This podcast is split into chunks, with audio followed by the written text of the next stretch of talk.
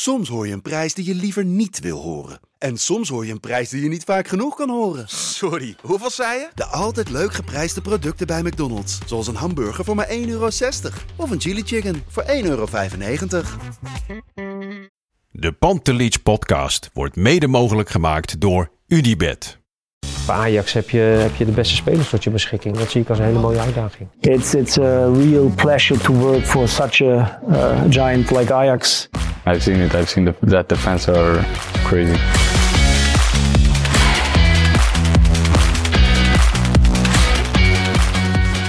...22 dagen na de seizoensafsluiter is het alweer tijd voor de eerste zomerupdate van de Pantelich podcast. Met een aantal vertrouwde stemmen, een nieuwe stem, wat mensen die er niet meer bij zijn, wat mensen die voor het geld gezwicht zijn. Ja mensen, uh, we gaan het weer een seizoen over Ajax hebben met een mooi samengesteld groepje. Uh, welkom mannen. Dankjewel Lars. Ja, we doen deze podcast uh, audio only. Dus deze is niet te zien op YouTube. Dat gaan we in de toekomst wel gewoon doen. We, maken, of, uh, we nemen het op op dinsdagavond 27 juni rond 8 uur online doen we dit. Dus uh, dan weet iedereen dat. Dan is daar iedereen van op de hoogte. Bart, welkom. Ja, ik ben uh, een van de weinigen die gebleven is, hè? Toch? Ja, want jij hebt je de afgelopen weken, mogen we wel stellen, als een soort Mino Raiola opgesteld. Ja, hè? bij FC Afkikken noemden ze mij al Bartje Raiola. Dus uh, nee, het is goed gekomen. Maar mijn doel is bereikt. Iedereen is binnenboord gebleven. Althans, een deel. En, uh, en mijn grote vriend Kevin ook. Dus uh, ik ben er blij om. Ja, wat Kev. Hoeveel heb je erbij gekregen? Nou, laten we gewoon hebben over dat de voorwaarden, voorwaarden wat beter zijn geworden. Hè, in Ja. de brede zin van het woord. Maar In ik moet ook eerlijk zeggen, ehm, ik heb er ook gewoon wel weer ontiegelijk veel zin in. En ik denk, ik, denk, ja, ik denk toch dat ik gewoon bang ben om de therapiesessies die wij eh, zo eh, wekelijks hebben, dat ik die enorm ga missen. De komende, Ja. nou, komend Want, seizoen in ieder eh, geval. Ik heb vanmiddag nog even terug zitten kijken. Groot en bombastisch kondigde hij het aan. Dit is mijn laatste seizoen. Al vrij vroeg ook in het seizoen. Dus eigenlijk aan een soort ja, een afscheidstournee gehad. Ook meermaals op Twitter is hij gevraagd om te blijven. En laten we eerlijk zijn. Hè, we- los van dat er heel wat geld bij, bij is gekomen. En dat de randvoorwaarden beter zijn. Vind je het ook gewoon heel erg leuk dat veel mensen je graag horen. En eh, zijn wij er heel erg blij mee dat je erbij blijft. Nou, dat, dat is altijd leuk om te horen. En ik snap dat het een beetje manisch-depressief overkomt als je er nu weer instapt. Alleen, eh, nee, ja goed, ik, ik heb er gewoon weer heel veel zin in, eh, zoals jij zegt. En eh, ja, man. ja, dat is het eigenlijk. Jan, er ook weer Ja, bij? Ja, is de transfer deadline dan al wel voorbij, Kevin? Ja, her en der wordt natuurlijk nog steeds wel een beetje getrokken, maar ik heb getekend inmiddels, dus eh, ik kan geen kant meer op, Jan. Oké. Heel goed. Het komende jaar ligt die vast. De transfermarkt zijn we ook zeker op geweest. Want we hebben gekeken naar de podcast om ons heen. Hè. Een aantal jaar geleden verlieten Arco en Freek zelf de Pantelich podcast. Maar nu hebben we zelf een podcast transfer. Thijs Zwagerman, welkom. Ja, dankjewel. Dankjewel. Blij om hier te zijn.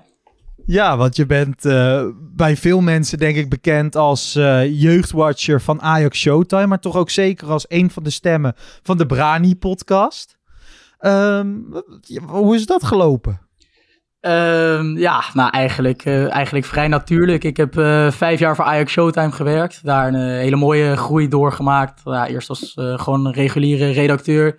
Vervolgens jeugdwatcher geworden. Ook veel tactische analyses geschreven.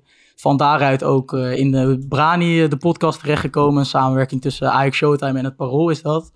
Ehm, en eigenlijk deze zomer, na vijf jaar bij Ajax Showtime, eh, zelf besloten om de deur achter me dicht te trekken. Om eh, meer te focussen op, eh, op afstuderen en een, een baan als videoscout bij FC Groningen, die, die toen op mijn pad kwam.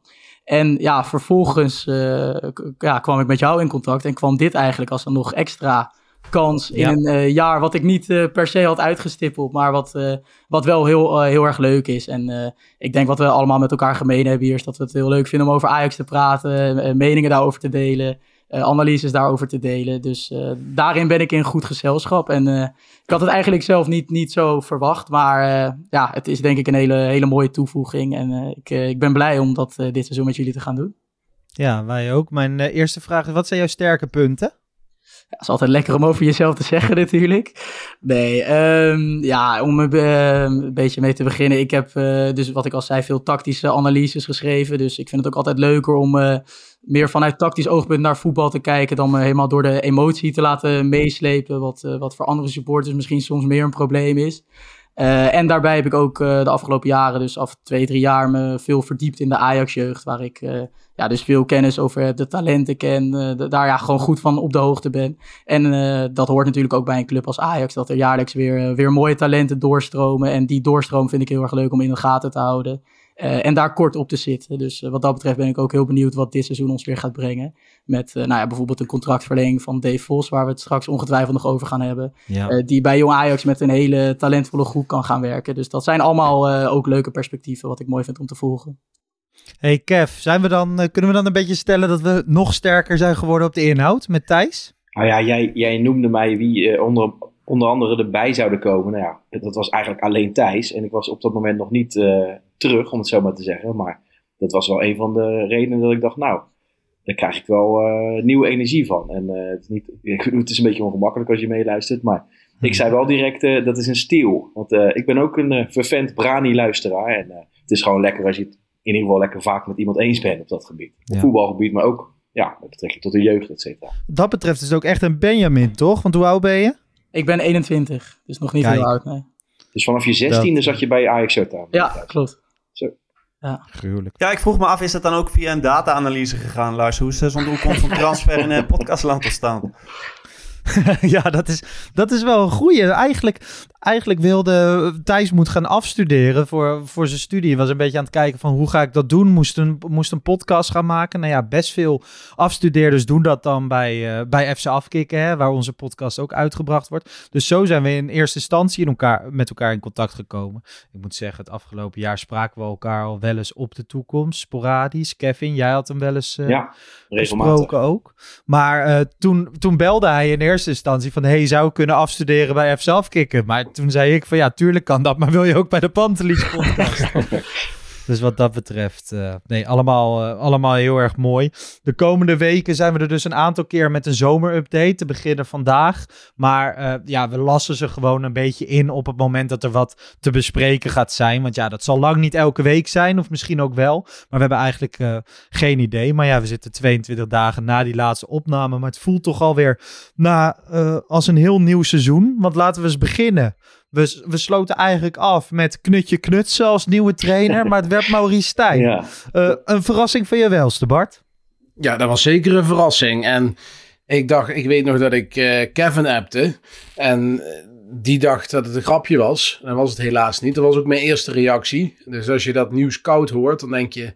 Hoe ben je in godsnaam bij Maurice Stijn uitgekomen? Omdat je ook een beetje door de gekmakerij om de Ajax-fans. Er zijn ook mensen die riepen om Nagelsman en uh, Peter Bos. Guardiola. En, ja, kijk, de gekkigheid kent geen tijd. We zijn een beetje de realiteit uit het oog verloren, denk ik. Uh, maar je zit toch stiekem al wat aan een hoger segment te denken.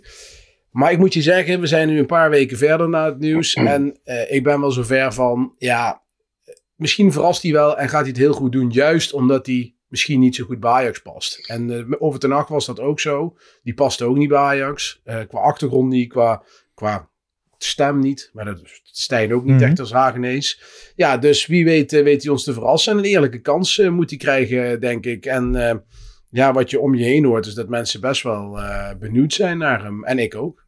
Hoe zie jij dat, Thijs? Ja, ja, daar sluit ik me eigenlijk zeker wel bij aan. Ik was ook in eerste instantie totaal, uh, totaal verrast. Maar wat mij kort daarop wel gelijk hoop gaf, is eigenlijk de combinatie van de staf. Hè? Dus met Hedwiges Maduro als, als tactisch nou, meesterbrein. Klinkt misschien zwaar om te zeggen voor een jonge trainer, maar daar wordt mm. uh, ja, eigenlijk in heel voetballand heel veel van verwacht. Uh, is iemand die uh, natuurlijk ook we in het openbaar kennen van zijn analyses uh, voor ESPN, waar hij altijd wel houdt sneed. Maar ook de afgelopen jaren gewoon zijn trainerscarrière gestaag aan de weg heeft getimmerd. Dus daar ben ik hoopvol over. En Bakati, die een hele goede veldtrainer is. Dus ik denk in die combinatie met dan de gedisciplineerde Maurice Stijn, die ja, op basis van fitheid en discipline, teamgeest, het eigenlijk bij al zijn clubs voortreffelijk heeft gedaan. En dat is wel iets wat, wat Ajax natuurlijk vorig jaar ook ontbeerde. Dus naar die combinatie ben ik heel benieuwd. Maar ik kan niet ontkennen dat ik ook wel uh, met stomheid geslagen was in eerste instantie. Overperformen noemen ze dat, hè? Ja, dat, was ja. het, dat was het woord, het overperformen. Het woord overperformen is inderdaad een, een groot ding. Ik moet wel zeggen, als je, als je naar Stijn kijkt, zijn voetbal bij Sparta, maar ook het voetbal van Maduro, wat zij speelden bij Almere City, hè, zijn gepromoveerd. Dat is geen Ajax-voetbal, Kev. Nou ja, dat is wel een beetje het, het, het, denk ik, het verraderlijke aan het overperformen. Want ik geloof best wel dat je kan overperformen. alleen kun je dat ook tegen ploegen die zich ingraven dan moet je ineens dominant zijn. En dat is wel een verschil. En ik ben wel heel benieuwd. En inderdaad, wat Bart zegt, de eerste reactie was niet bepaald positief. Maar uh, ja, ik, ik ging die, die, die, persconferentie waarin hij aangekondigd werd, werd uh, bekijken. En ik moet wel zeggen, ja, zo'n Mislim dat die, die doet je dan toch wel een beetje overtuigen. Hetzelfde geldt voor, voor onze nieuwe speler, waarvan ik de naam even kwijt ben, van Roma. Ja, ik heb het idee dat, ja precies. En, en, en ik heb het idee dat Michelin Tat, die kan je nog een broodje poep verkopen als die wil. Ja, Jan, Michelin Tat verkoopt nog een broodje poep. Stijn, staat hij voor jou gelijk aan een broodje poep? Nou, op de avond dat ik het hoorde wel. Maar uh, ja? ik moet zeggen... nou ja, weet je, het, het, is wat we zeiden. Het was niet dat je stiekem droomde van, van een, een, een naam in een hogere orde. Dat was gewoon wel uh, openlijk. Uh, maar ik moet wel zeggen, dan ga je je daarna verdiepen in zo'n man. Want Stijn was tot die tijd niet echt het verdiepen waard geweest voor mijn gevoel. Maar dan zie je inderdaad wel dat hij ook bij VVV mooie dingen heeft laten zien. Bij Sparta, defensieve organisatie altijd op orde. De dingen die, ja, die Thijs ook al noemde, daar is sterk in. Dus ja, je hebt wel wat reden om aan te nemen dat het toch wel een succes kan worden bij Ajax. Maar die, die eerste maanden zullen natuurlijk heel belangrijk zijn.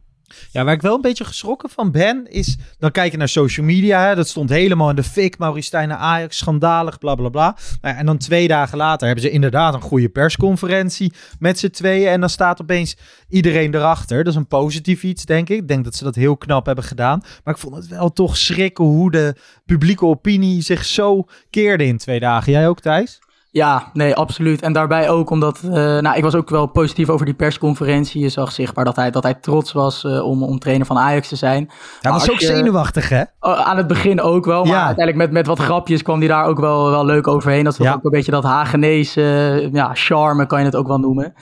maar ik vond daarbij wel, als je kritisch gaat kijken naar wat hij nou inhoudelijk zei over hoe hij Ajax wil laten voetballen. Want er werd hem wel een paar keer gevraagd van wat is je plan? En dan viel hij toch al vrij snel terug in een beetje die dooddoeners van uh, discipline en ik wil dat we één team zijn, hard werken. En dat zijn toch begrippen die je als, als liefhebber van mooi en verzorgd, aantrekkelijk aanvallend voetbal uh, liever niet hoort bij Ajax. En dat was toch wel een wezenlijk verschil met bijvoorbeeld iemand als Ten Hag, die uh, altijd wel heel overtuigend en gedetailleerd zijn visie uiteen kon zetten. Wat bijvoorbeeld een Dave Vos bij Jong Ajax ook kan. Uh, maar waar in, uh, op Heitinga natuurlijk in de afgelopen maanden juist ook wel kritiek op kwam. Omdat hij ook een beetje in die ja, containerbegrippen bleef hangen. Ja. Um, dus wat dat betreft ben ik eigenlijk heel benieuwd naar wat, wat hij, wat Stijn in de eerste weken van de voorbereiding gaat doen. Hè? Waarin de oefenwedstrijden, welke opstellingen die gaat maken. Welke spelers die misschien op andere plekken gaat zetten. En daarin komt meestal wel de hand van een trainer naar voren.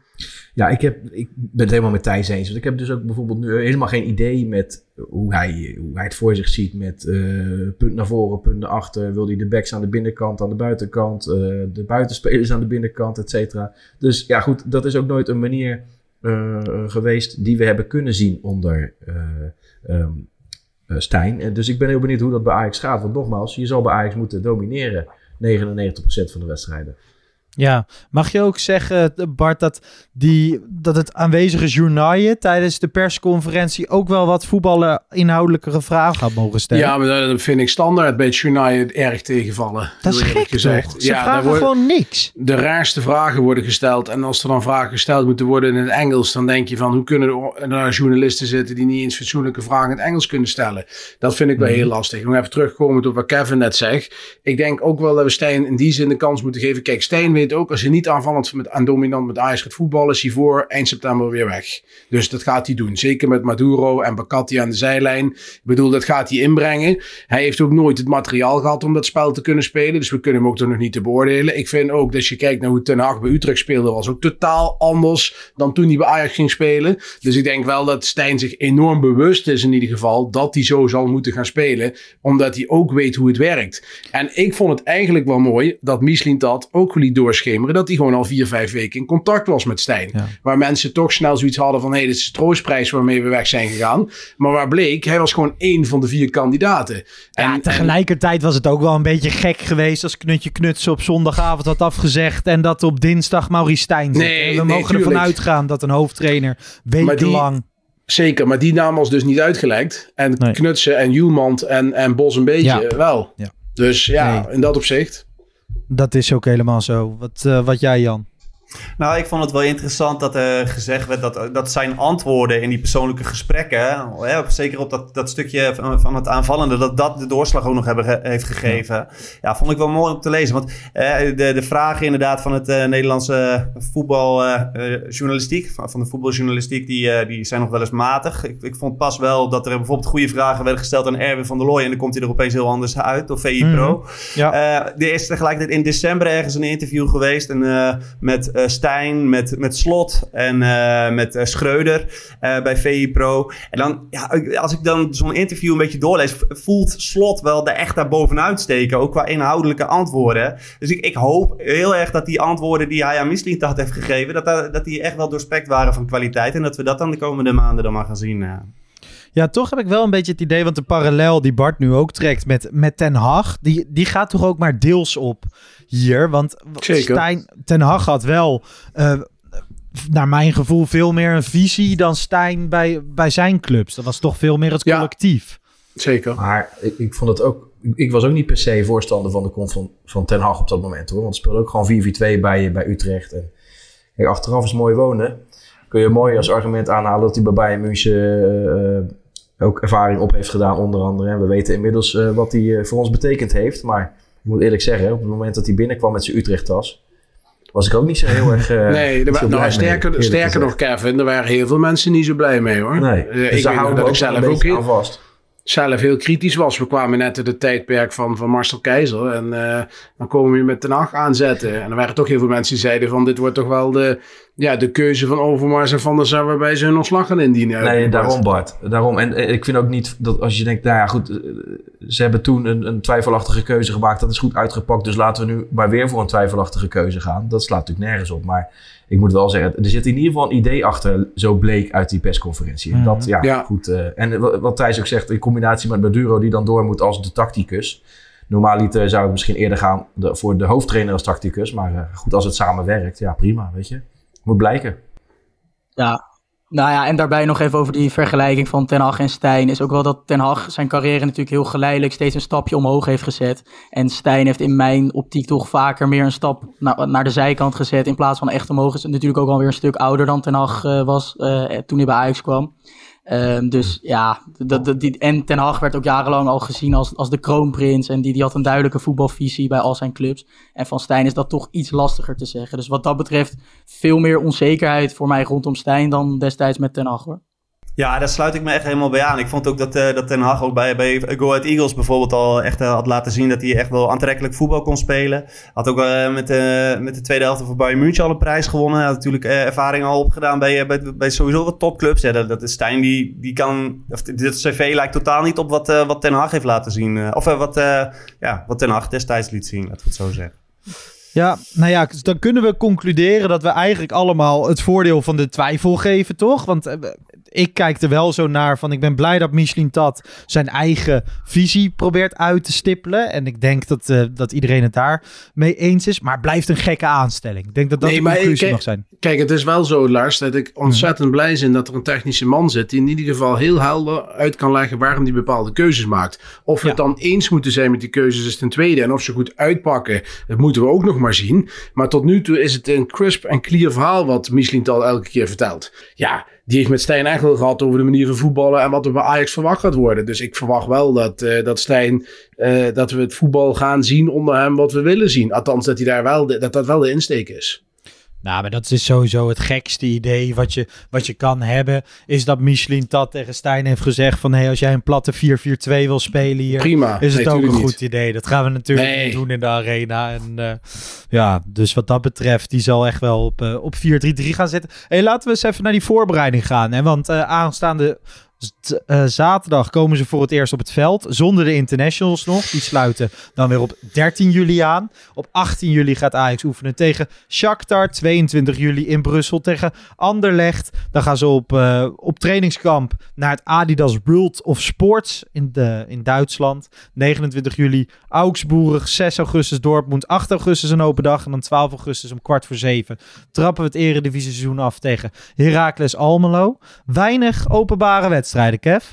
Nee, ja, ik hoop dat dat nog, uh, dat dat bijvoorbeeld Shakhtar nog openbaar uh, gaat worden. Uh, want ja, wat je zegt, het is, het is tot nu toe weinig, maar ik vind het wel heel belangrijk. Want ik, ik kan me ook als kind nog herinneren dat ik langs de, langs de lijn stond van het veld, van een amateurploeg. En dat je daar je helden zag lopen. En ja. ja. wat ik mij kan herinneren is dat een van de eerste momenten dat ik besmet ben geraakt met het, het Ajax-virus in positieve zin. En ja, uh, de jeugd kan op dit moment niet zo makkelijk meer aan uh, kaartjes dan wel seizoenskaart, uh, laat staan seizoenskaarten komen. Dus ik denk dat het nog belangrijker is dat je er nu mee doorgaat om in de zomer dit soort wedstrijden en ook open trainingen ja. gaat houden. Om, om de jeugd weer op een dusdanig fanatieke manier te krijgen zoals wij dat ja. zijn. Ja, ja. Stijn zei het wel hè, tijdens die persconferentie, dat hij trainingen iets meer open wil stellen. Denk je dat hij dat voor elkaar krijgt bij Ajax? Nou, volgens mij gaat hij erover, dus... Ja. ja, nou ja, ze zullen wel een communicatie of gewoon een strategie hebben. ik hoop het. Ik hoop het. En doe voor mij part één of twee, uh, of twee of drie uh, trainingen per week. Het hoeft niet allemaal openbaar, maar uh, het mag wel meer dan dat het was. Hij stond ja. daar wel echt duidelijk voor open, hè? want hij stipte ja. het nog wel echt heel specifiek het aan. Het eerste wat hij zei. Het eerste wat hij ja, zei. kijk, en hij gaat zijn vingers niet aan branden als hij niet weet dat het niet gaat gebeuren of niet kan. Want dan sta je al 3-0 achter. Nou, nogmaals Bart, volgens mij gaat hij erover.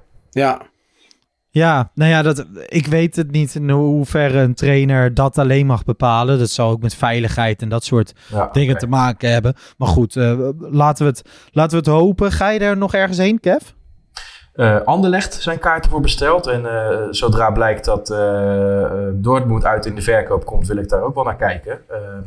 en dat wordt gewoon gespeeld in, het, in hun stadion? Ja, in hun stadion. Dus dat is okay. prima aan te rijden. En, ja, zeker.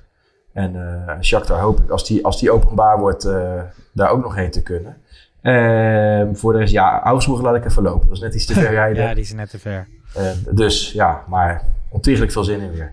Ja, missen we alleen dat trainingskampje in de Lutte. Hè? Daar stonden we vorig jaar met, uh, met z'n tweeën, twee potjes aan de, aan de zijlijn. Ook dat is voor kinderen best wel een een makkelijk contactmoment met die spelers. Zeker. Ik, ik, maakte met vrienden of neven altijd een traditie van om daar in ieder geval één nachtje te blijven slapen. En uh, in het verleden ook wel in, uh, in Epe of in Putten of in, mm. uh, in, in Oldenzaal blijven slapen. Dan heb je zo'n mooi pleintje. Dus dan drink je s'avonds ja. daar een biertje, kijk je een wedstrijdje met een, een zwoel zomeravondje. En ja, goed.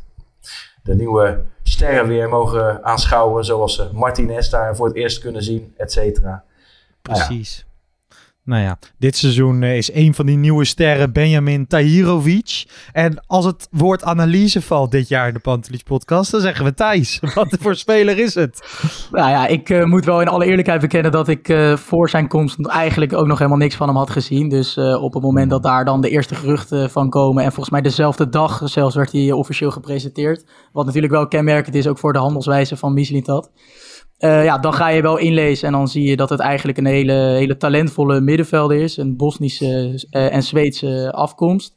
Hij is uh, behoorlijk lang. Dat valt sowieso ook op met het aantrekken van Branko van de Bomen bijvoorbeeld. En dus ook met Tahirovic.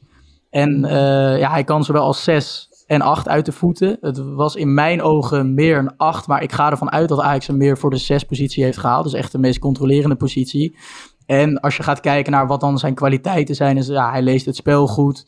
Uh, heeft, heeft een redelijke passing, maar het is ook niet per se een echte spelmaker. Het is meer iemand die dus met behoorlijk wat lengte uh, en fysieke kracht het op, op inzicht uh, oplost. Dus ja, in mijn ogen wel een aantal kwaliteiten die je graag bij Ajax op 6 zou zien. Maar zeker aan de bal en in, het opzicht van hoe dominant kan hij daar zijn, kan hij echt het spel gaan bepalen van achteruit. Daar heb ik nog wel vraagtekens bij. Maar daar kan hij natuurlijk ook nog stappen in gaan zetten, want hij is nog hartstikke jong. En als we kijken welke stappen Alvarez daar in de vier seizoenen in heeft gemaakt die, eh, die hij bij Ajax heeft gezet, dan is dat natuurlijk heel positief. Dus daar ben ik wel nieuwsgierig naar. Het is gewoon de één op één vervangen van Alvarez. Uh, en ik denk dat hij, als je met de bal inderdaad, wat Thijs zegt, klopt als een bus. Nou zit ik te denken naar de Alvarez van het eerste seizoen. Ik denk dat hij nu wel iets beter aan de bal is als Alvarez toen, heel eerlijk gezegd. Is het genoeg? Is het genoeg? Dat is de vraag. En uh, ik heb wel mijn twijfels hoor, over of hij op korte termijn iets bij gaat dragen. Dat is trouwens ook als je tussen de regels door uh, hoorde, wil ik eigenlijk zeggen, maar het is eigenlijk lezen. Wat Michel dat in het interview zei bij, zijn, uh, bij het aantrekken, is dat ze hem een, de kans geven om zich te ontwikkelen. Maar dat ze hopen dat hij op de korte termijn ook al kan leveren. Dus ze gaan er bij Ajax ook al vanuit dat dit wel meer een project is dan een directe versterking. Dat vond ik wel een opvallende uitspraak. Misschien dat ze op de achtergrond nog een 6 gaan halen die er direct staat. En dat ze wachten op de klappers die op de transfermarkt gemaakt moeten worden voordat ze echt geld uit kunnen geven. Daar, dat gevoel heb je er een beetje Hmm. bij. Als je, dat doet, uh, als je dat doet, Bart, dan kun je Vos wel afschrijven. Ja, maar Vos is ook nog steeds niet bijgetekend natuurlijk. En wie nee. weet op de achtergrond speelt dat ook. Hè, dat die wellicht toch niet bijtekent. Uh, misschien gaan ze Taylor uh, doorschuiven naar de 10. Speelde vanavond bij Jong Oranje ook op 10. Ja, ja, je weet het niet. Het kan nog, het kan nog alle kanten op. Ja. We gaan het meemaken. Maar Kev, even daarover. Als, als Vos nu gewoon een heel seizoen op 6 speelt bij Jong Ajax. Gewoon elke wedstrijd. En in de tweede seizoen zelf misschien weer eens af en toe bij de selectie van Ajax 1 komt. Dat zou toch ook niet gek zijn? Het hoeft toch niet dit jaar gebeuren? Nou nee, dat zou wat mij betreft niet per se gek zijn. Alleen ja, uh, veel jongens uh, beschikken niet per se over veel geduld ook. En hij is inmiddels 18, meen ik, of wordt 18. En uh, ja, ik vind ook wel, hij heeft natuurlijk al aan het eerste geroken. Dus die jongens die willen allemaal wel minuten gaan maken in ieder geval. En goed, als je dan een jongen van 20 voor je hebt en je haalt dan nog een 6 die daarboven zit, die met ervaring, ja, dan wordt het perspectief wel heel mager. Uh, ja, ik ben benieuwd. En misschien kan Vos als 8 spelen. Maar goed, hij is Branko van de Bomen al gehaald. En misschien kan Tahir of iets als 8 uh, spelen. Ja, goed. Leg de puzzel maar. Ik ben heel erg benieuwd. Maar, Bij Ajax is het tenminste wel zo dat we het afgelopen jaar heel vaak hebben geklaagd over dat er bepaalde smaakjes niet aanwezig waren. Hè? Het populaire woord smaakjes. En dat heb je met Branko van de Bomen en Tahirovic wel, toch Thijs? Ja, nee, absoluut. Dat zijn twee, uh, twee nieuwe smaken. En zeker van de boom als transfervrij natuurlijk een uitstekende toevoeging. Maar nog heel even aansluitend op wat Kevin net zei. Daar vind ik wel dat Ajax heel erg mee op moet passen. Want dat is natuurlijk ook waar het vorige zomer eigenlijk op een paar plekken mis is gegaan. Is dat je bijvoorbeeld met iemand als Jorge Sanchez voor 5 miljoen een, een buitenstaander gaat aantrekken voor de breedte. En dat vind ik aankopen die Ajax niet moet doen. Want daar kan je altijd jongens uit jong in doorschuiven. En bijvoorbeeld uh, iemand als Silvano Vos kan inderdaad prima komend seizoen nog zijn minuten maken bij Jong. Maar moet altijd standaard op de bank zitten bij één. En dan ook uitzicht hebben op een invalbeurt. En als dan een Tahirovic daartussen zit. Met daar dan nog eventueel een 6 die dan wel mm. voor 20, 30 miljoen zou worden gehaald als directe versterking. Dan denk ik dat je selectie weer uit balans gaat. En dan wordt je perspectief voor jonge talenten ook weer minder. Dus dan vind ik ook dan. Je kan wel de jongens verwijten dat ze niet genoeg geduld hebben. Maar het perspectief op speeltijd moet ze natuurlijk ook wel geboden worden. Ja. ik proefde uit die woorden van Misselin daar toch ook wel heel veel vertrouwen in uh, Tahirovic. Want hij gaf ook wel aan dat het in die uh, leeftijdscategorie wel een van de grootste talenten was die hij ooit had gezien. Dus ja. ik zou me heel goed kunnen voorstellen dat ze eerst die voorbereiding eens even aankijken. En dat ze dan, ja, dan kan je altijd na een aantal weken nog, uh, nog daar een beslissing over nemen.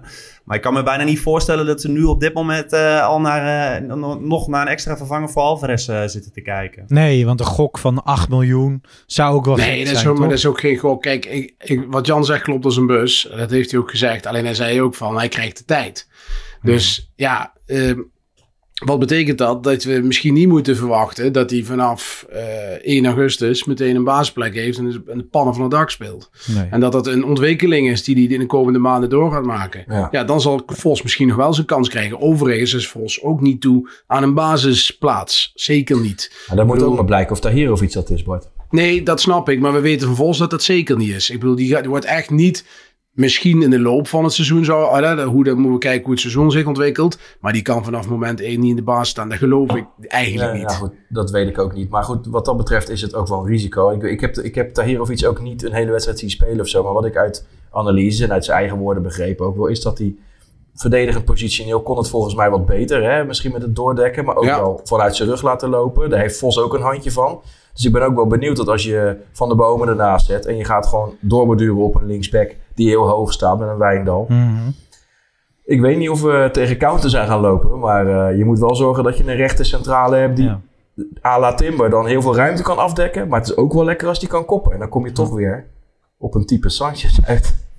En ik ben benieuwd wat voor rechtsback we weten tevoorschijn te tonen. Ja. Maar goed, we gaan nu heel ver afdwalen. Maar het moet allemaal weer, hè, dan komt hij weer, complementair aan elkaar zijn. Precies. Daar gaan we zo meteen op uh, voor borduren wat er allemaal gaat komen. Laten we eerst nog even naar de uitgaande transfers kijken. Timber lijkt te vertrekken naar Arsenal. Arsenal, een mooie club voor, voor Timber. Maar vooral voor ons als Ajaxide. Goed dat hij zo vroeg in de transferperiode gaat, toch Jan? Ja, zeker. Dat valt voorlopig op. Hè? Want uh, zowel uh, hij als uh, Alvarez natuurlijk staan nu echt nadrukkelijk op de nominatie. En uh, Kudus begint toch de eerste geluiden nu ook wel een beetje te horen. Dat het zou mooi ja. zijn als die snel weg zijn. En dat, dat het geld wat er beschikbaar komt, dat, dat Mislitat daar snelle stappen mee kan nemen. Ja, en we hebben het in de laatste podcast er eigenlijk over gehad. Dat als Timber gaat je in elk geval de kans krijgt om een complementaire centrale verdediger aan Hato te gaan halen. wat voor speler is er dan nodig, Bart? Nou, in ieder geval een kopsterke speler zou ik naast, uh, naast Timber, sorry, naast Hato willen zeggen, zetten. Uh, wat overigens wel uh, de geluiden zijn, is dat ze voor twee centrale verdedigers gaan. En dat in eerste instantie is, hebben ze Vitik gescout. Dus niet Vitek en Milik, maar een mix daarvan. Vitik van Sparta Praag, lange centrale verdediger. En dat zou dan de backup keuze moeten zijn. En dan zou er als Timber vertrekt ook nog een directe uh, kracht moeten komen. Dus dat zijn de geluiden die je nu hoort. En Vitek zou dan zo'n zo'n backup rol kunnen hebben. Hij is denk ik één van de kandidaten. Ik denk dat ze meer spelers daarvoor volgen. Maar in principe zijn ze, gaan ze mikken daar op twee spelers is de verwachting. Deze naam hoor ik voor het eerst. Of, ja, of die, zijpel, die zijpelde links en rechts al een beetje door die naam. Vitek. Nou ja, Vitek. wel een, wel een uh, mooie naam in elk geval, Kev. Ja, ik ken hem verder ook niet hoor, behalve van naam en ik weet ongeveer wat voor type het is. En uh, ja, ik vind wel dat dat vaak de vijver is waar je een beetje in zou moeten vissen. Hè. Sparta Praag uh, is wel een typische club waar je een dusdanig talent vandaan kan halen. Maar goed, Hoe oud dat is is het die? enige. 20 meen ik? Ja, Of 29, Oh, oké. vrij jong nog. Ja. Want wij, eh, hè, een paar jaar ouder, dan krijg je toch altijd al direct twijfels. Zoals die centrale verdediger van Marseille, die afgelopen Ja. Nee, winter werd genoemd. beginnen. Daar moet je niet Die was beginnen. alweer 3,24 of zo. Ja. Maar goed. Hoewel soms, ja, het kan ook vertekenen. Hè. Sommige jongens zijn eenmaal laadbloeiers. En ik heb, ik heb die jongen van, van uh, Zagreb nou een aantal keer gezien die in de, in de winterstop ook aan ons gelinkt werd. Hè. Sutalo. Soutalo, ja. Ook Ja. een, eh, een international van, eh, van Kroatië. En die is meer in Ja. 23. Ja, goed. Wat ik van hem gezien heb, denk ik, nou, doe die maar wel. Dus ja, het is maar een getal uiteindelijk. Maar Ja. je, je hebt gelijk hoor. Ik bedoel, normaal gesproken als je 23 bent en je speelt nog bij zo'n club, dan is er vaak wat mis met je. Nou, ik sluit ook niet uit dat Mies dat eh, nog in zijn oude vijver gaat, gaat vissen. En dat hij eventueel Mafropano's van... eh, of, maar ja, ik zeg het, misschien... Ja, klemtoon moet dan wel heel duur zijn, toch? Griekse centrale verdediger van Stuttgart. Ja, Kunnen wij daar uh, van Schipning even voor bellen? Want die is trainer van, van Griekenland geweest. Ja. Ja. gespeeld bij Arsenal, Stuttgart. En Stuttgart is gedegradeerd, meen ik. Dus misschien dat hij voor een relatief gunstige prijs te halen is. Jongen, van, ik geloof dat hij begin 20 ergens is. Dus niet heel jong, maar ook Ik niet echt... eh, 25 hoor, Bart. ja, 25. Ja, vind ik nog redelijk begin Is er iets 20. mis Maar ja, Maar ja, hij goed, is wel wel echt een grote jongen, toch? Ja, dat is wel een... eh, Gewoon een die kun je- big fish. Die kun je ook wel voor de, voor de discotheek zetten, die ja. Ja, Ja, en ik denk dat dat ook wel juist, ook in die leeftijdscategorie, wel de, wel de speler is waar je op moet mikken. eh, die echt de defensie, nou ja, misschien een van de leiders daarin moet worden. Want je kunt wel Ja. naast Hato weer een, een onzekere buitenlander halen van 2021. Of misschien twee van die jongens die het dan samen moeten uitvechten. Maar dat is wat mij betreft toch te veel onzekerheid. Dus ja, zo'n Pranovic zou, zou, eh, zou uitstekend zijn. Maar ik weet niet of, hoe haalbaar dat inderdaad is. Nee. Maar in mijn ogen is dat wel een leeftijdscategorie plus type, weet je wel, grote, robuuste jongen die je dan aan Hato kan koppelen. Eh, ja, eh, om het woordje complementair er maar weer in te zetten. Dat, dat zou hartstikke mooi zijn. Hij moet dan wel redelijk aan de bal zijn, hè? Want Ja, je, ja, moet niet een zeker. twee, je, moet, je moet niet een Bessie 2.0 hebben Nee. aan de rechterkant. Dat is Want dan weer eh, net te weinig. Vastgezet en dan krijg je weer de dezelfde problemen in de opbouw. Ja. Voetballend moet het instapniveau net iets hoger liggen. Ja. Ja, en voor de liefhebbers, die uh, Tsjech waar jullie het over hadden, die is nu ook actief op dat uh, jeugd-EK. Hè? Die maakte geloof ik de winnende tegen Duitsland uh, Oh, vorige week. Ja, dus uh, die, die, Die is weer wat duurder geworden. Oké. Hey, ehm, als we dan naar de backs kijken. Hè, want Kev, jij zei net al even van... als we gewoon met Wijndal zouden blijven spelen... die zo hoog gaat staan... dan moet er aan de andere kant misschien ook wel wat gebeuren. Nou ja, met Rens, daar blijven twijfels. Sambo wordt genoemd. Ja, ik heb niet echt een beeld bij Sambo, maar wat ik, wat ik hoor is dat het uh, een, een nou laten, kan ik het een type Tete noemen? Een hoop druk Mhm. doen, slijdings maken en verdedigend zou het wel aardig zijn, maar aan de bal eh, valt het vies tegen.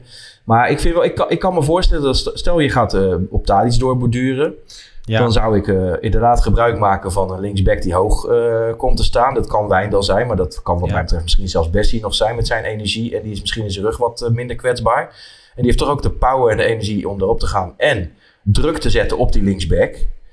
Maar dan moet je wel, want als je ervoor kiest om van back, back op back eh, druk te zetten, maar dan moet je wel een rechtsback hebben, vind ik, die wat lager kan komen staan in de opbouw en die eh, wat verfijnder is. Wat meer een type Mazraoui of een type Ja. eh, gespiegelde Sinkgraven, die ook in het middenveld kan komen. Meer halfspace type, zeg maar. Maar goed. De extra man op het middenveld. Alles valt valt ook op staat met kwaliteit, Lars. Dus, Ja. Nou ja, gewoon die rechtsback wordt wel een interessante positie. Want ik denk als je naar de selectie kijkt en wederom naar het woord complementair kijkt, dan moeten ze daar echt naar op zoek, toch Thijs?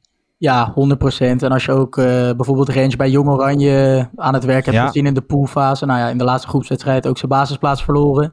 Was Ja. dat ook weer niet overtuigend. En ja, het, het verbaast me wel hoor. Want we weten allemaal hoe hij als een komeet natuurlijk in Ajax 1 is gekomen. In een elftal dat wel goed draaide. Maar je ziet zodra dus nou afgelopen seizoen bij Ajax en ook op dit moment bij Jong Oranje het geheel nog niet op elkaar is ingespeeld. Als, eh, ja, als die cohesie er niet is, dan is Range gewoon veel te vaak aan het zwemmen en komt hij in ja, grote ruimtes terecht waar hij in de jeugd juist met zijn spelinzicht ook vaak meer in een centrale rol eh, dat heel goed wist op te lossen. Is hij als back toch veel te veel zoekende, wordt hij links en rechts voorbij gelopen. Eh, aan de bal oogt hij ook een stuk onzekerder dan toen hij als, als jong talent de vol bravoure eh, doorbrak bij Ajax. Dus ja, ik heb nog steeds eh, de, de potentie van Rens hebben we allemaal gezien. Ik heb daar ook echt wel vertrouwen in. Maar ik begin toch ook wel een beetje mijn zorgen te, te krijgen voor hoe lang die vormdip van hem nu duurt. En een keertje fit blijven zou helpen, denk ik. Ja, ja ook dat, absoluut. Maar goed. Ja. Ik krijg altijd een beetje Urbi Emanuelson vibes van, eh van Rens. Goeie voetballen aan de bal als de zon schijnt. En ja, het zit te vaak tegen, te vaak dromerig. Eh, ook niet qua, als je ziet zo'n Timber die soms heel verbeten eh, een mannetje opzoekt. Het is allemaal een beetje, eh, ja, Maar lafjes. Emmanuelson, die steeg er nog wel eens echt bovenuit. Dat heeft Rens echt nooit, toch? Maar die was ook kwetsbaar hoor, Lars, als linksback. Nee, tuurlijk. Niet maar die vaak heeft in wel gewoon... En, eh, Die heeft wel wedstrijden beslist en ook wel echt heel erg goed gespeeld, toch, wedstrijden? Ja, ik heb hem vooral goed gevonden toen hij een beetje hangend vanaf links eh, begon te spelen, eerlijk gezegd. Ja, precies. Ik zeg ook niet het, als eh, back. Alleen, ik, ja, dat heb ik bij Rensjo helemaal niet gezien. Toch? Mm, Een paar nou, jaar ik heb terug. wel goede, goede minuten zien maken, laat ik het zo maar zeggen. Overlappies en eh, technisch prima, maar ik, het is ook wel inderdaad, eh, het, is, het zijn veel pijntjes en, en verdedigend blijft het kwetsbaar tegen een buitenspeler. Ja. Ik vind het meest schrijnende voorbeeld nog tegen Shakhtar vorig jaar in de, in de voorbereiding, Oh, dat ja. hij eh, even aan poep werd gelopen door die jongen die nu bij Chelsea speelt. Ja, Modric. vanaf eigen Maar recht. Ja. eh, ja, goed, dat is misschien even, één zo'n voorbeeld is misschien te simpel, maar dat is wel iets typerends, vind ik eerlijk gezegd. Ja. Hey, we gaan even naar de geruchten, naar de wandelgangen. Want ehm, nou ja, ik heb nog nooit zo vaak een Turkse naam gehoord als die van Arda Güler in de afgelopen weken. Toptalent van Fenerbahce. Gaat die, eh, gaat die nou komen of niet, mannen? Ik denk dat hij niet komt. Ik verwacht het ook niet. Als je ziet welke, welke bedragen er nu worden genoemd. Dus zijn vader die volgens mij nog een vrij prominente rol in de onderhandelingen nu eh, gaat vertolken. Eh, clubs die zich ook melden. Het lijstje met clubs is, is gigantisch. De hele Europese top zit eigenlijk achter hem aan. Ja, dan eh, wordt het voor Ajax een lastig verhaal, denk ik. Wij hebben nooit aan het langste eind getrokken met, eh, met dit soort Nee. Hè? Dus eh, ik weet, we zijn er geweest en in die fase was het misschien nog wel haalbare kaart. Ja. Maar eh, het duurt nu zo lang dat ik niet geloof dat dat nog... dan gaat er echt met miljoenen gesmeten worden. Ik denk ook dat de tijd een beetje tegenzet. Want de reden dat Ajax die transfers zo vroeg wil aftekenen, waar het nog niet officieel is, is dat ze denk ik wachten tot 1 juli. Dat vallen alle transfers en het geld in het nieuwe boekjaar. Want in dit boekjaar hebben ze natuurlijk de Anthony transfer en dat soort zaken nog. En dat dan, als dat gedaan is, pas het geld beschikbaar is en op groen licht wordt gezet om echte investeringen te doen. Ja, en daar valt deze jongen natuurlijk ook onder. Dus ik denk dat Ajax daar dan net eh, en terecht een defensievere tactiek heeft gekozen op transfergebied. En dat ze daardoor aan het eh, kortste eind gaan trekken. Ja, nee, ja, ik sluit me er- erbij aan. Het eh, begint een beetje op zo'n Eudegaard-verhaal eh, te lijken. Hè? Maar eh, dan, eh, ja, met, met eh, erg hoge bedragen. En, en als dat totaalpakket te veel is, dan, eh, ja, dan gaat het gewoon niet gebeuren. Helaas, want het was wel een jongen geweest eh, waar naar wie je smakt. Ik, ik zeg wel vaker de laatste tijd. Ik, als je jongetjes op het schoolplein vraagt van wie eh, is je favoriete speler van Ajax. Nou, krijg je op dit moment even niet zo heel snel een antwoord. Dus ik zou het prettig vinden als er deze zomer eh, een paar jongens komen die dat wel over zich heen hebben, zeg maar. Ja. Ja. En uh, is zo'n jongen ook die Spertishan van uh, Krasnodar? Ja, in de filmpjes ziet het er allemaal leuk uit, maar hoe doet hij het? Als, ja, als, als je nog wat dieper op de, op de helft van de tegenstander uh, dominant moet zijn in kleine ruimtes, dan ben ik benieuwd hoe het, uh, hoe het eruit ziet. Ik, daar heb ik op basis van wat ik nu van hem heb gezien, kan ik daar nog niet uh, genoeg over zeggen. Nou Jan, dat viel mij ook op hoor. Dat, dat als je een compilatie bekijkt en het, het zijn voornamelijk beelden met wat grotere ruimtes en goede, prima schoten, prima acties van afstand hoor. En dan ziet het er heel gauw heel leuk uit. En de cijfers zijn kennelijk heel goed. Dus misschien is het wel een behoorlijke team. Maar ik ben dus ook wel heel benieuwd naar, uh, inderdaad, als de tegenstander zich ingraaft. En wat voor team houdt, hou je dan over hè, in de hele kleine ruimtes. Ja. Ik denk dat dat wel iets is wat nodig is. En ook een speler die op het schoolplein wil zijn. Maar ook als je het, als je het afzet tegen, uh, even op het eerste oog, Tahirovic en Van de Bomen. Ja, precies. En, als je met een spits als Bobby speelt die diep gaat, heb je denk ik eerder aan iemand die, die eronder fladdert en een steekbal kan geven dan een, een type 10 die eroverheen denkt, et, et cetera. Weet je een, een, een, een Siem de Jong, mag ik dat stellen? nou, ik heb ook nog twee weken geleden de Russische bekerfinale zitten kijken op een of ander fout streampje. En dan zit je toch met smart te wachten op zijn speler. Dus denk nou eens kijken hoe hij op 10 uh, voetbalt. Speelt hij op 8. Ja, toen, was het, uh, toen kon ik ja. goed niet meer kijken. Dus maar was, was hij goed, Bart? Ja, had een paar goede momenten, maar het is één wedstrijd. Weet je wel. Ik was gewoon benieuwd hoe die, of hij dat team een beetje bij de hand nam. En uh, ik, ik, moet zeggen, de corners en vrije trappen, dan kun je allemaal gaan staan, want die zijn allemaal gevaarlijk. Hij heeft er drie, vier gegeven. Ja, maar daar hebben we er allemaal van nu. Ja, ja, nou, kijk, misschien, hè, dat uh, misschien Tat heeft ook uh, negen maanden zitten kijken. Die toen zei van, nou, geen kopkracht, geen, uh, stilsta geen dode momenten, geen, geen specialisten daarvoor, weet je wel. Ja. ja die hebben we nu wel. Zeker ja. weten. Hey, voor, de, voor alle Ajaxiden, die nu al die geruchten een beetje meekrijgen in deze periode. En die ook eens denken van, hé, hey, ik zet eens een wedstrijdje van zo'n speler op. Om te gaan kijken van, uh, wat voor speler is dat nou eigenlijk? Thijs, jij gaat komend seizoen voor FC Groningen wat video scout werk doen. Waar moeten die jongens nou allemaal op letten als je zo'n wedstrijd gaat kijken? Waar scout je dan op? Ja, ik was heel veel bang dat je om namen ging vragen. Die, uh, nee, nee, nee. Die kan ik niet delen helaas. Uh, en sowieso mikt Groningen ook in een andere vijver natuurlijk. Uh, nee, maar waar ik persoonlijk altijd uh, op let is ook het gedrag eigenlijk van spelers zonder bal. Daar kan je best wel veel uh, al aan zien. Ik denk dat uh, wat net werd genoemd in compilaties hè, van, van individuele hoogstandjes, doelpunten, kan je de, de, de basistechniek altijd al goed uit ophalen. Maar ik vind het ook altijd belangrijk hoe, hoe een speler zich, zich oriënteert op het veld, waar die op het veld vrijkomt. Uh, waar de ruimtes liggen, welke kanten die opdraait. En basisdingen als aannames met, de, met het verste been, hè, gelijk de goede richting. Um, ziet hij ook wat, wat, lopende mensen doen, dat soort dingen. En het ligt ook een beetje afhankelijk van positie. Maar bijvoorbeeld voor een middenvelder is het ook wel belangrijk om die oriëntatie in het druk zetten te hebben. Herkent hij waar, waar de ruimtes ook in verdedigend opzicht bijvoorbeeld liggen. Dus dat zijn ja, zomaar wat, uh, wat zaken waar je op let. Maar het is ook heel erg positieafhankelijk natuurlijk. Kev? Ja, ik heb daar een vraag over, uh, Thijs. Want ik, ik, je hoort steeds meer over positioneel scouten. Hè? Dus dat, dat een bepaalde scout voor een bepaalde positie wordt aangesteld. En uh, is dat bij jullie dan? Jullie, het klinkt een beetje gek, ja. een Ajax-podcast, dat gaat over... Maar het goed, scouting in zijn algemeenheid. Is dat uh, iets waar jij dan ook naar kijkt? Bepaalde posities? Of gewoon ja. in zijn algemeenheid? Spelers. Ja, dat is wel ook een trend die inderdaad al langere tijd gaande is. En je hebt bijvoorbeeld bij Brighton hebben ze daar echt de hele scoutingstaf op samengesteld. Dat is natuurlijk ook een club waar veel meer financiële middelen achter zitten. En de gedachte daarachter is eigenlijk als iemand uh, constant rechtsback scout, dan uh, word jij op een gegeven moment gespecialiseerd in rechtsbacks en kun je ze ook heel goed en duidelijk ja. tegen elkaar afzetten. Dus die filosofie is natuurlijk ook logisch en dat wordt bij, uh, bij ons bij Groningen ook af en toe wel ingezet. Maar aan de andere kant is het natuurlijk ook een nadeel, omdat je soms misschien ook meer per regio of per gebied scout en dat scouts daarin ook weer hun netwerk hebben. Dus er zal altijd een beetje een samenwerking en een balans moeten zijn. Maar ja, dat is wel iets wat nu steeds meer opkomend is in de voetballerij. Naar welke tien posities moeten we jou dan niet vragen komend seizoen, uh, Thijs? nee, ja, ik ben, uh, ja, op, zich, als ik het zou zeggen, meer gespecialiseerd in uh, middenvelders en aanvallers. Maar verdedigen, het kan eigenlijk ook wel. Ja, geen keepers in ieder geval.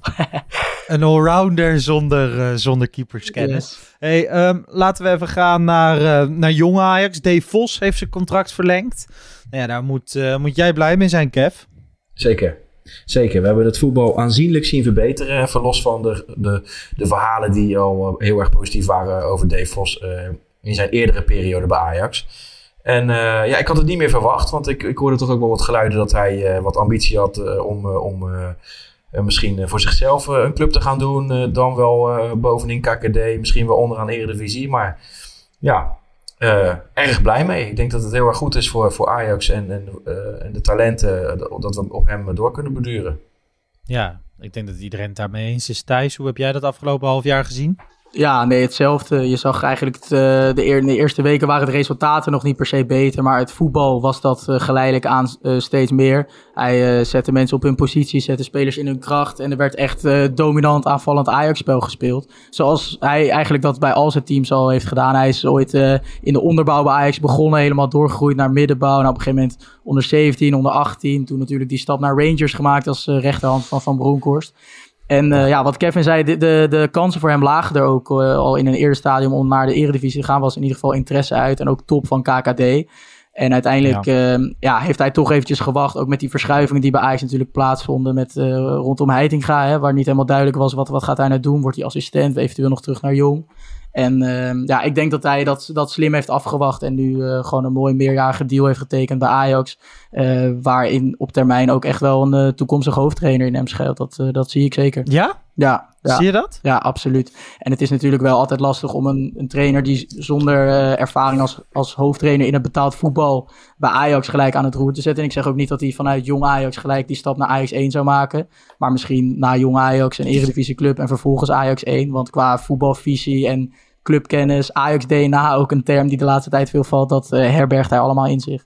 Ja, ik vind het, dat zo lastig. Hè? En ik denk ook inderdaad voetbal inhoudelijk dat hij bijvoorbeeld veel beter is dan, uh, dan Heitinga. Dus ik denk ook dat het een uh, flinke upgrade is ten opzichte van de start van vorig seizoen. Maar als je, als je dan uh, uitspraken gaat doen over, over of hij misschien ooit materiaal van AX1 gaat worden. Er spelen daar zoveel meer dingen een, een, rol dat ik dat nog steeds wel lastig vind in te schatten. Maar ik, ik hoop dat hij het gewoon hartstikke zag je ook doen. Aan, zag je ook aan Marcel Keizer bijvoorbeeld. Ja, ja dus ja...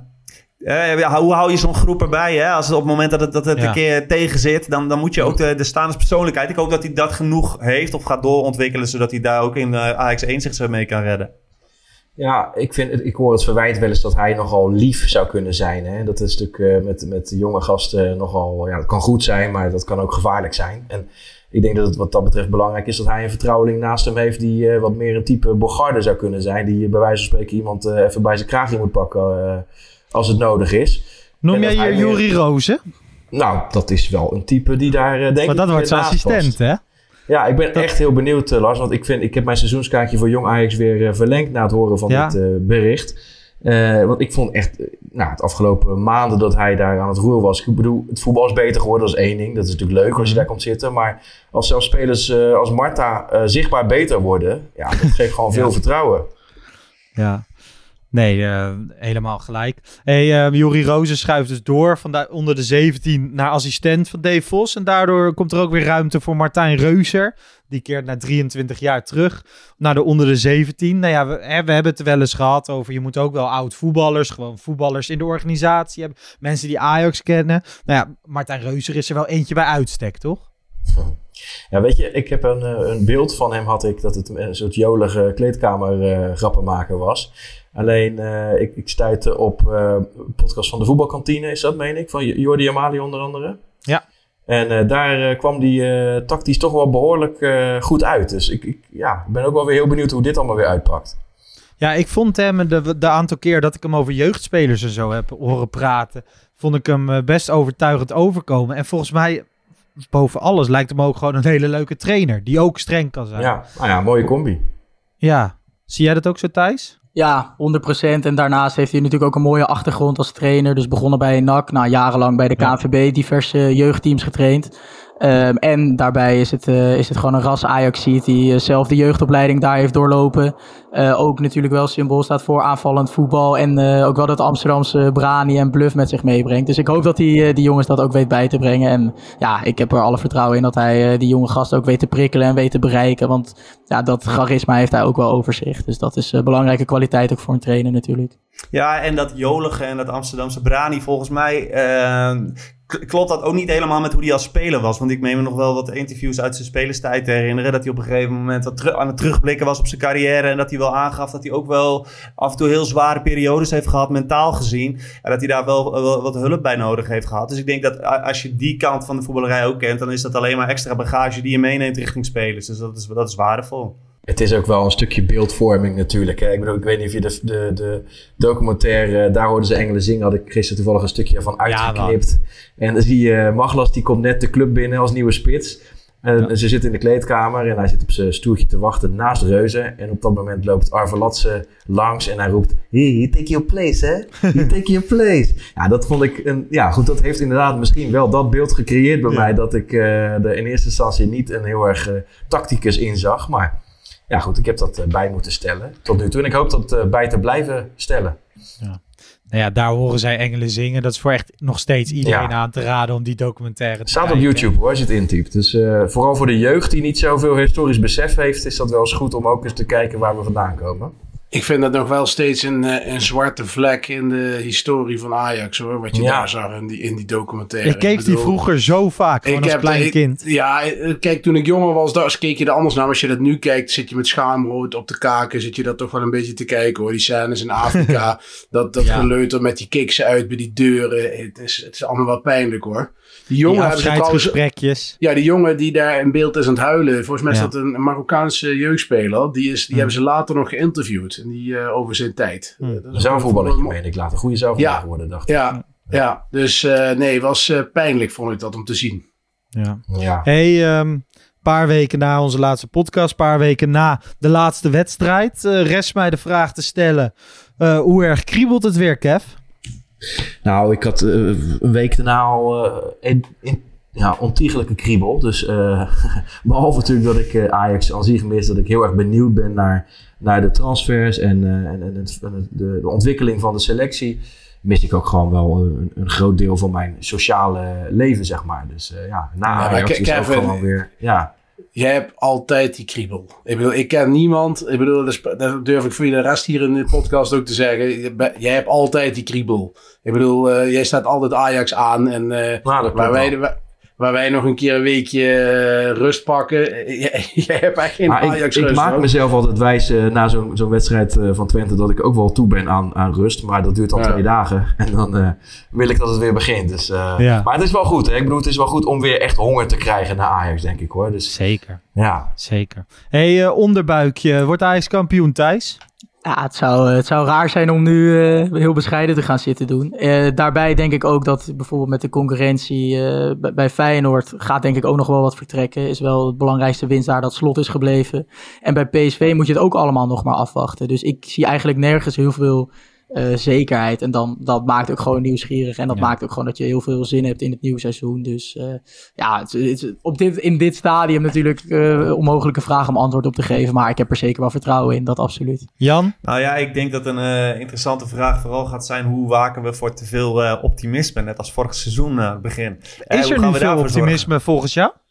Nou ja, dit is meer de hoop hè, bij iedereen. Ik, ik hoor net het antwoord van Thijs en dan denk ik ook van waarom inderdaad zou je Mhm. niet eh, die Brani hebben die, eh, die bij Ajax past. Hè? En dan vallen er wel wat redenen bij de, de concurrentie te bedenken waarom zij het misschien wat minder zouden doen dit jaar. Maar vorig jaar waren we wel erg optimistisch in het begin en daar wil ik nu gewoon een beetje voor waken zelf. eh. Ja. Nee, dat, eh, dat begrijp ik heel goed. hey mannen, we weer bijna een uur over Ajax gepraat. Dit was de eerste zomerupdate van deze zomer. Zoals gezegd zullen we nog wel een aantal keer terugkeren voordat het echte seizoen begint. Er gaat een hoop gebeuren op transfergebied. Ajax staat aankomende zaterdag weer op het veld. Maar ik hoop vooral dat de luisteraars en de kijkers, maar in dit geval alleen de luisteraars, blij zijn dat we er komend jaar ook gewoon weer bij zijn. Laat dat vooral even weten op social media. Op Twitter halen we, nou ja, als het goed is, vandaag of morgen de 10.000 volgers. Op Instagram gaan we gestaag door. Dus dat is allemaal mooi. En eh, heren, bedankt voor vanavond. Jij ook, en eh, tot de volgende. Op naar een mooi seizoen. Nou, we hebben er zin Yes. Yes. Wat